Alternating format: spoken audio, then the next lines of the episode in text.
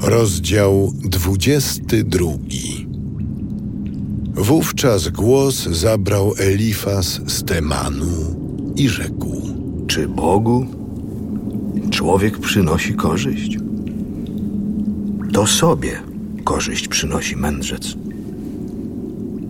Czy wszechmocny ma zysk z tego, żeś prawy lub korzyść, gdy droga twa nienaganna? Czyż za pobożność twą karci się ciebie i wytacza ci sprawę przed sądem? Czy nie za zło twoje znaczne? Czy nie za nieprawość bez granic?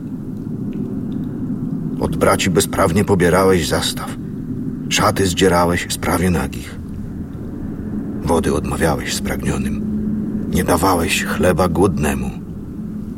Dla męża jest ziemia i mieszka na niej ktoś znaczny – a wdowę z niczym odprawiasz. Miażdżysz ramiona sierotom. Stąd wokół ciebie są sidła i przeraża cię nagła bojaźń lub nie dostrzegasz ciemności i potopu, który cię zalewa. Czyż Bóg nie wyższy od nieba? Patrz w niebo, jak gwiazdy wysoko. A ty powiadasz, czy Bóg wie cokolwiek, czy spoza chmur może sądzić? Chmura zasłoną nie widzi. Po strefach niebieskich on chodzi.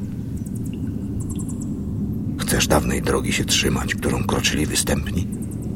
Ci poginęli przed czasem, gdy powódź zalała im fundamenty, a Bogu mówili: oddal się od nas.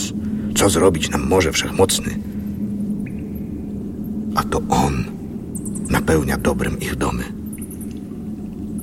Taka myśl grzesznych daleka ode mnie. Sprawiedliwi patrzą i cieszą się z tego i szydzi człowiek prawy, czyż nasz przeciwnik nie ginie, a resztę po nich pochłania ogień. Pojednaj się, zawrzyj z nim pokój, a dobra do ciebie powrócą. Przyjmij z jego ust pouczenie, nakazy wyryj w swym sercu.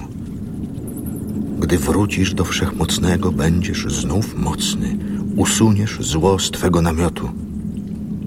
Gdy rzucisz złoto do prochu i ofir na skałę potoków, wszechmocny będzie twą sztabą złota i stosem srebra dla ciebie, bo wtedy rozkoszą twą będzie wszechmocny. Podniesiesz twarz swą ku Bogu, wezwiesz go, a on cię wysłucha. Wypełnisz swoje śluby, zamiary swe przeprowadzisz na drodze Twej światło zabłyśnie. On pychę wyniosłych uniża, tych, co oczy spuszczają, wybawia. Ocali Bóg niewinnego za czystość swych rąk. Będziesz ocalony.